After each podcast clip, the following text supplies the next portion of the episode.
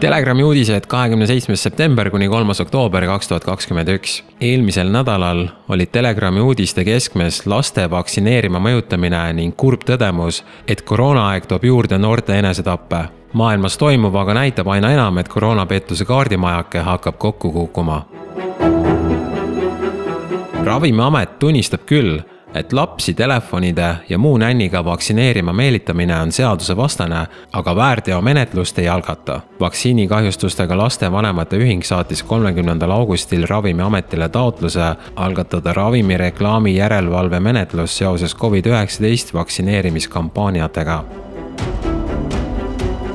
kahekümne seitsmendal septembril saadetud vastuses tunnistab Ravimiamet, et Covid-19 vaktsineerimiskampaaniatega, kus pakuti hüvesid ja meeneid, rikuti seadust ning selline kampaania ei tohiks olla suunatud lastele, ent ei pea otstarbekaks väärteomenetluse alustamist. Sama vastuse sai ka sihtasutus Perekonna ja Traditsiooni Kaitseks oma kahekümne kuuendal augustil saadetud väärteoteatele millistele kriteeriumitele tuginedes on mobiiltelefonide, tahvelarvutite, burgerite ja muu sellise loosimisega paljude laste ja noorte vaktsineerima meelitamine vähetähtis väärteo algatamiseks, see Ravimiameti vastusest ei ilmne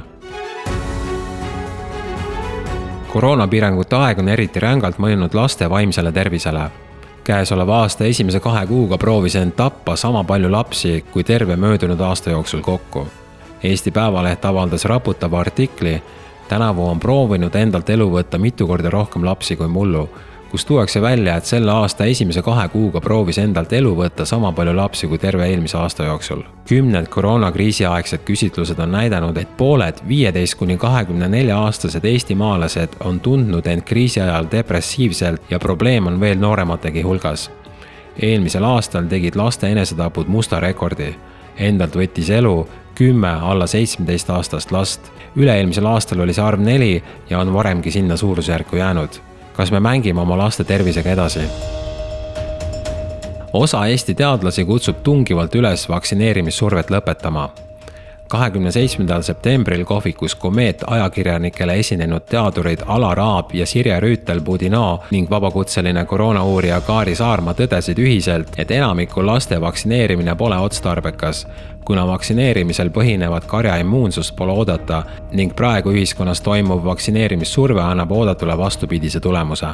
mRNA vaktsiiniga eh, nagu limaskesti nakatada viiruste korral äh, karjaimmuunsust ilmselt ei saavutata, noh, võib-olla Eesti valitsuse võimud peaksid nagu sellest kontseptsioonist lahti ütlema ja tekib küsimus, milleks üldse vaktsineerimissurve ja piirangud, kui uuringute järgi on üle kaheksasaja tuhandel eestimaalasel antikehad olemas, nagu tõestas Tartu Ülikooli värske uuring Tartu Ülikooli juhitava seireuuringu värsked tulemused näitavad, et koroonaviirusega on nakatunud ligi üks protsent Eesti täisealistest elanikest. samas on koroonaviiruse vastased antikehad tekkinud kas vaktsineerimise või haiguse läbipõdemise teel ligi kaheksakümnel protsendil täisealistest. Telegram tuletas meelde, et Martin Kadai, endine Terviseameti erakorralise meditsiini osakonna juhataja ütles pool aastat tagasi Terevisioonis, kui on saavutatud viiekümne protsendi inimeste vaktsineeritus või see, et nad on läbi põdenud, selles hetkes saame rääkida püsivast piirangutest loobumisest. intervjuu toimumise ajal, märtsi lõpus, oli antikehadega inimesi Eestis kahekümne ja kolmekümne protsendi vahel nüüd on neid juba ligi kaheksakümmend protsenti ja täielikult ehk kahe doosiga vaktsineerituid viiskümmend kaks protsenti elanikkonnast klassikaliselt, kui me räägime piisavast immuunfoonist, siis see peaks olema vähemalt viiskümmend protsenti ja enam. küsimus ei ole selles, et see immuunsusfoon peaks jaotuma ühiskonnas ühtlaselt, me teame, et selle haiguse puhul on teatud riskirühmad, ennekõike vanemaealised. oluline on just saavutada see immuunsus nende hulgas kuhu jääb piirangutest loobumine. samas intervjuus ütles Kadai ka seda, et Iisraeli sarnast süsteemi, kus vaktsineeritud teatud tõendi alusel saavad suuremaid vabadusi nautida, ta ei poolda. ma loodan, et ma ei näe Eesti ühiskonda sellises düstoopias. see on see, mida niinimetatud lamemaalased räägivad kui ühte vandenõud.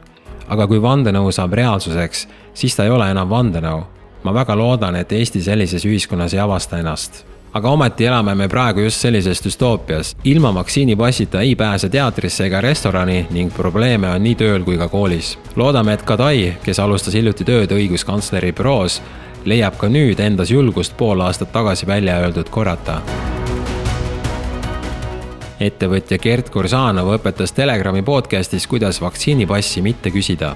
Telegramil käis külas raske jõustiklane ja ettevõtja Gert Kursanov, kes peab Tartus omanimelist jõusaali Corsa Gym. mees on loobunud oma ettevõttes koroonapassi küsimisest, kuna leiab, et terve inimene ei pea oma terve olemist tõestama ning trenni tulevad inimesed ikka siis, kui nad on terved.